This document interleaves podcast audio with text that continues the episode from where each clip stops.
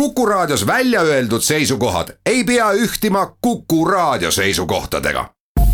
Te kuulate Kuku Raadiot.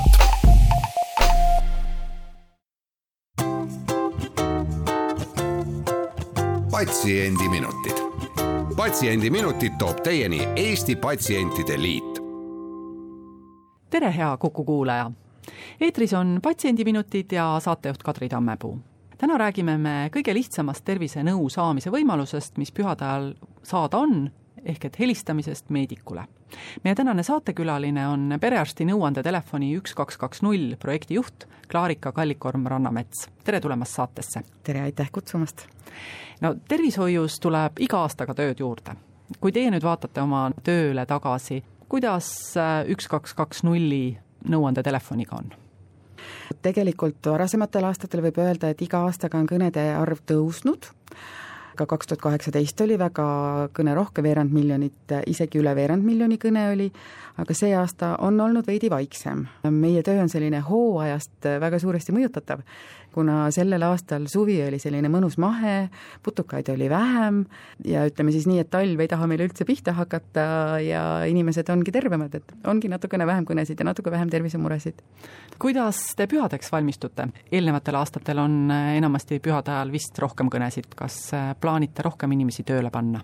no valmis oleme me ikkagi, et äh, kui peaks äh, nii-öelda viirused ründama meid üleöö, nii nagu tegelikult kaks tuhat kaheksateist täpselt juhtuski, et kahekümnendal detsembril oli meil ööpäevas veel veidi üle seitsmesaja kõne ja kahekümne teisel oli juba tuhat kõnet.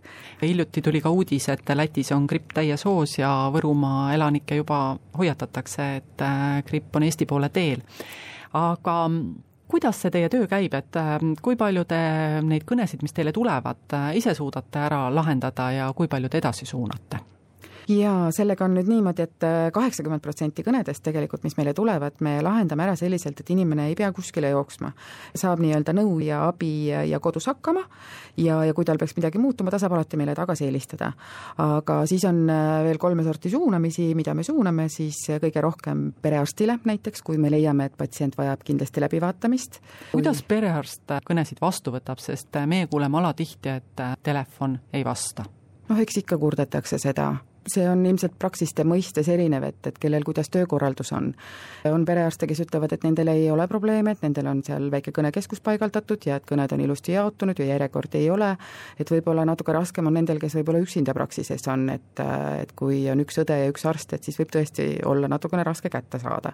aga siis oleme meie ju jaa, nii et esimesed, kellele te suunate, on perearstid? just, järgmisena vast võib äh, välja tuua erakorralise meditsiini osakonda suunata, suunamise, et kui inimene kirjeldab oma sümptomid ja nõustaja leiab, et äh, ta on võimeline veel ise kohale minema või et ta saab minna taksoga või lähedane viib, et siis, äh, siis EMO ja kui äh, juba tõesti kriitiline on, siis meil on see võimalus tõesti, et me ühe nupule vajutusega saame selle kriitilise kõne suunata häirekeskusele edasi toimetamiseks ja kiirabi väljasaatmiseks kui tihti selliseid erakorralisi häirekeskuse nupule vajutamisi ette tuleb? No päevas vast ikka kümme-kaksteist korda. nii et inimesed mõnikord hindavad enda tervist valesti? No eks ikka on, Google on meil ju see kuri tohter, kes äh, aitab leida üles ka need haigused, mida tegelikult ei ole inimesel, et ja tekitab sellist natukene paanikat, et äh, sellist rahustamistööd on päris palju, et jõuda nagu sellele päris pildile lähemale, et sellepärast ka nõustajad küsivad päris palju küsimusi. et sellega tasub alati helistades arvestada, et ei küsita mitte uudishimust, vaid küsitaksegi ikkagi selleks, et nagu võimalikult täpne pilt sellest hetkeolukorrast saada no ja need, kes nüüd äh, häirekeskust kiirabi vajavad, nemad on pigem need äh, teise poole patsiendid, kes arvavad, et noh, äkki probleem ei ole nii hull. Võib küll öelda nii, et pigem need hästi tagasihoidlikud inimesed, kelle võib-olla näitajad on tegelikult päris äh, hirmsad juba, et nemad kipuvad ütlema, et oh, minul ei ole häda midagi, mina ei taha kedagi töödata, et vot need on nagu pigem sellised meie mõistes nagu hüüumärgiga, et ikkagi tuleks toimetada, tuleks tegutseda ja saata kiirabi kui me viimati kohtusime, siis äh, meil oli ähm, ka jutt, et on äh, peatselt lootus, äh, et perearsti nõuandetelefon hakkab uuest aastast pakkuma ka isikustatud teenust. kuidas siis sellega on, et um, uus aasta on kohe ukse ees, kas uus teenus tuleb? uus teenus tuleb tõepoolest, et seda on nüüd päris pikalt ette valmistatud ja tehnilised lahendused on juba mõnda aega tagasi loodud ja alustame esimesel jaanuaril kell kaheksa null null uue teenusega. Mm, kuidas see teenus siis käib, mis teistmoodi on, kui siiani oli? see uus teenus siis tegelikult on, ütleme nii, et on inimese jaoks võib-olla lihtsam selles mõttes, et inimene ei pea ise nii palju enda kohta andmeid mäletama ja teadma, sest et äh, tekib ligipääs inimese terviseandmetele tema digiloos et selleks siis inimene peaks ennast autentima kas mobiil-ID-ga või Smart-ID-ga ennem kõne algust juba ja kinnitama, et ta on ka meie teenuse üldtingimustega tutvunud, et äh, nii-öelda saadagi aru täpselt, mis selle teenuse raames saab üldse küsida. Ja siis juba nõustaja saab äh, nii-öelda vaadatagi teie digiloost teie retseptide kohta, et väga palju küsitakse ravimite kohta. Ja tihtipeale inimene ei mäleta ravimite kohta kõike, et siis nüüd tekib see tervikvaade ja on äh, inimesele parem nõu anda. Nii et kui te esimesel jaanuaril alustate, kas see tähendab, et isikustatud teenust pakutaksegi nii kaua, kuni leping läbi saab, kakskümmend neli seitse?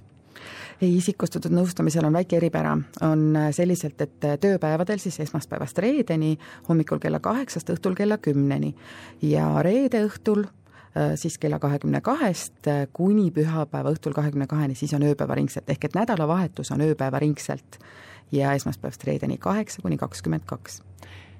mikspärast sellised piirangud on seatud? öösiti ongi alati vähem kõnesid, sest noh, inimesed ju magavad öösel. ja selle isikustatud äh, nõu saamine see, see tõenäosus on lihtsalt väiksem, et seda öösel soovitakse, et öösel tavaliselt ongi sellised kõned, mis äh, kas on siis see häda juba, et ongi vaja häirekeskusele suunata või on lihtsamad küsimused, et mis siis saab, kui inimene helistab näiteks äh, neljapäeva öösel kell üks, kas keegi võtab toru ka?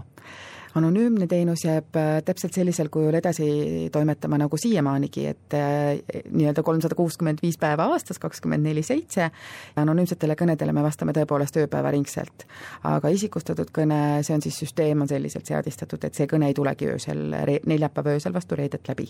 kas siis patsiendile ei pakutagi seda või talle ja. öeldakse, et teenus praegu ei toimi? patsiendile ei pakuta seda selge. nüüd, äh, kui meil tuli juttu retseptidest, siis äh, tookord, kui me arutasime isikustatud nõustamise võimalust, siis äh, üks pluss, mida te nägite, oligi see, et on võimalik ka perearsti nõuandetelefoni kaudu pikendada oma retsepte. kuidas sellega on, kas see teenus hakkab ka uuest aastast tööle? Selle osaga teenusest me kohe uuel, uue aasta alguses ei alusta, et see nõuab natukene rohkem analüüsi. kui palju üldse küsitakse retsepti meie telefonilt. aastas äh, alla kuuesaja korra on nagu üldse küsitud meie käest retsepti. ma ei saa öelda, et see teema on laualt maas, et me seda ei aruta, et äh, seda me Haigekassaga koos ja Eesti Perearstide Seltsiga hakkame arutama juba jaanuari lõpus, et millised võiks olla need ravimite grupid, mida üldse pikendada telefoni teel, kui pikaks üldse pikendada, järgnevalt siis juba Haigekassa otsustab, et millal siis äh, võiks selle osa teenusest ka nii-öelda käivitada. No muidugi, need inimesed, kes juba teavad, kuidas äh, nõuandetelefon töötab, ega nemad ei hakkagi ju enam küsima, kui nad ükskord eitava vastuse saanud, ehk et need kuussada inimest on tõenäoliselt ikka need uued inimesed, kes veel ei tea, et teenust, teenust ei pakuta aga läheme siit korra väikesele pausile. Teie jääge meiega, sest peale pausi jätkame juba perearsti nõuandetelefoni uue isikustatud nõustamise teenuse tutvustamisega. patsiendiminutid. patsiendiminutid toob teieni Eesti Patsientide Liit stuudios on Klaarika Kallikorm Rannamets ja Kadri Tammepuu.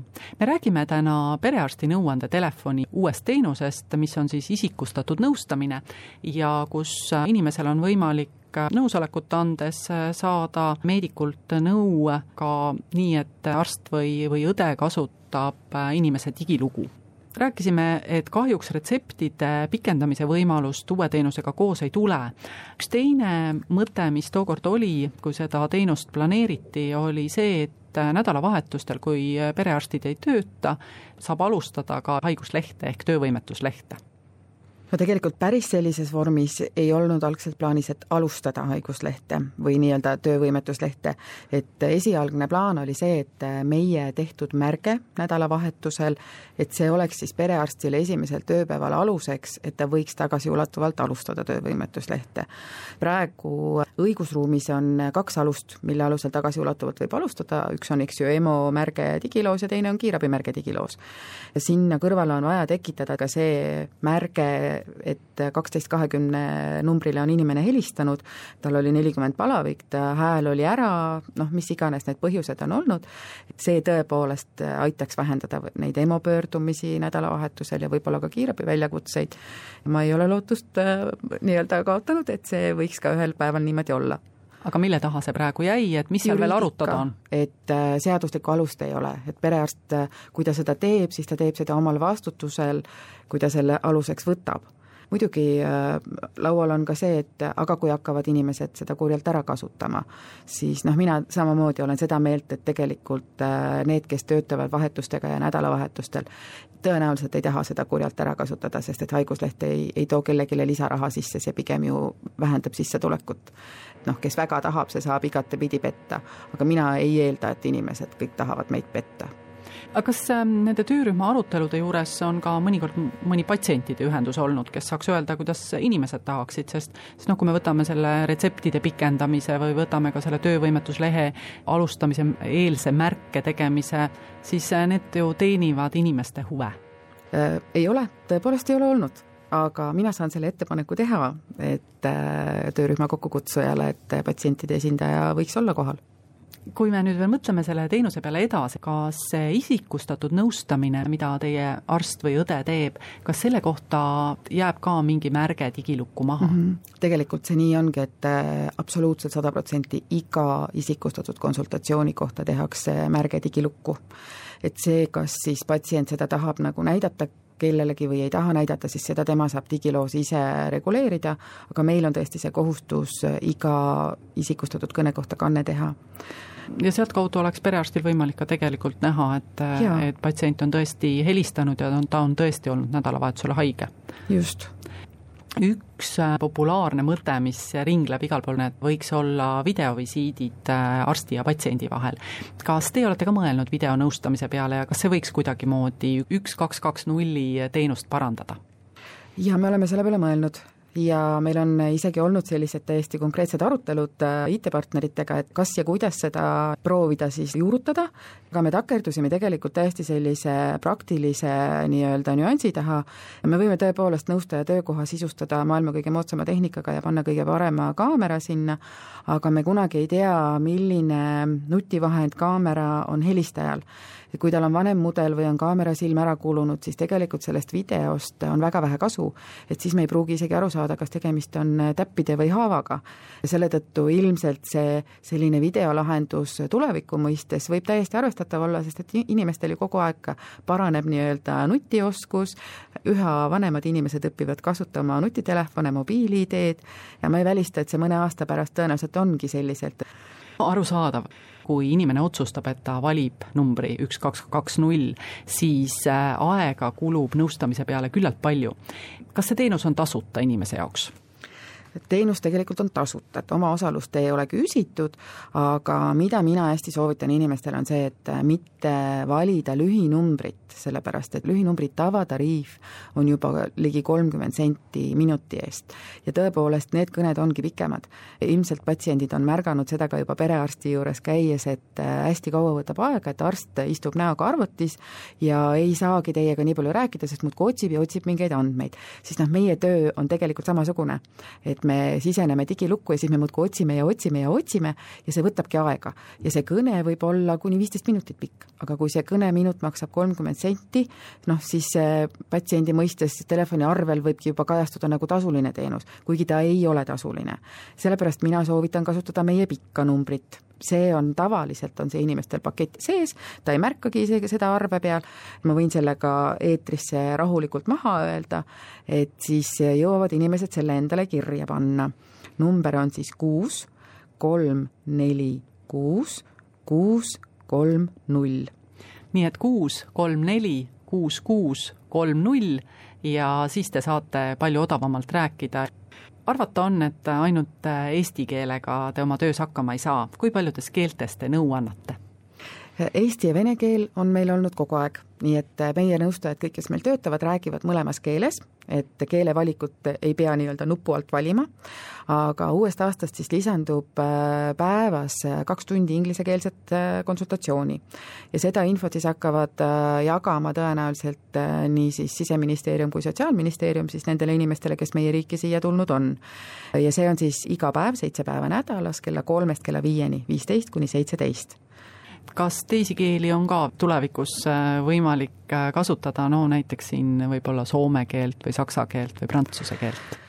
Ma praegu küll ei julge niimoodi öelda, et me seda plaaniksime, see tegelikult eeldab, et üks meditsiinitöötaja peaks olema kõrgelt haritud mitme keele rääkija, et sellist kombinatsiooni on väga raske meie tervishoiusüsteemist leida.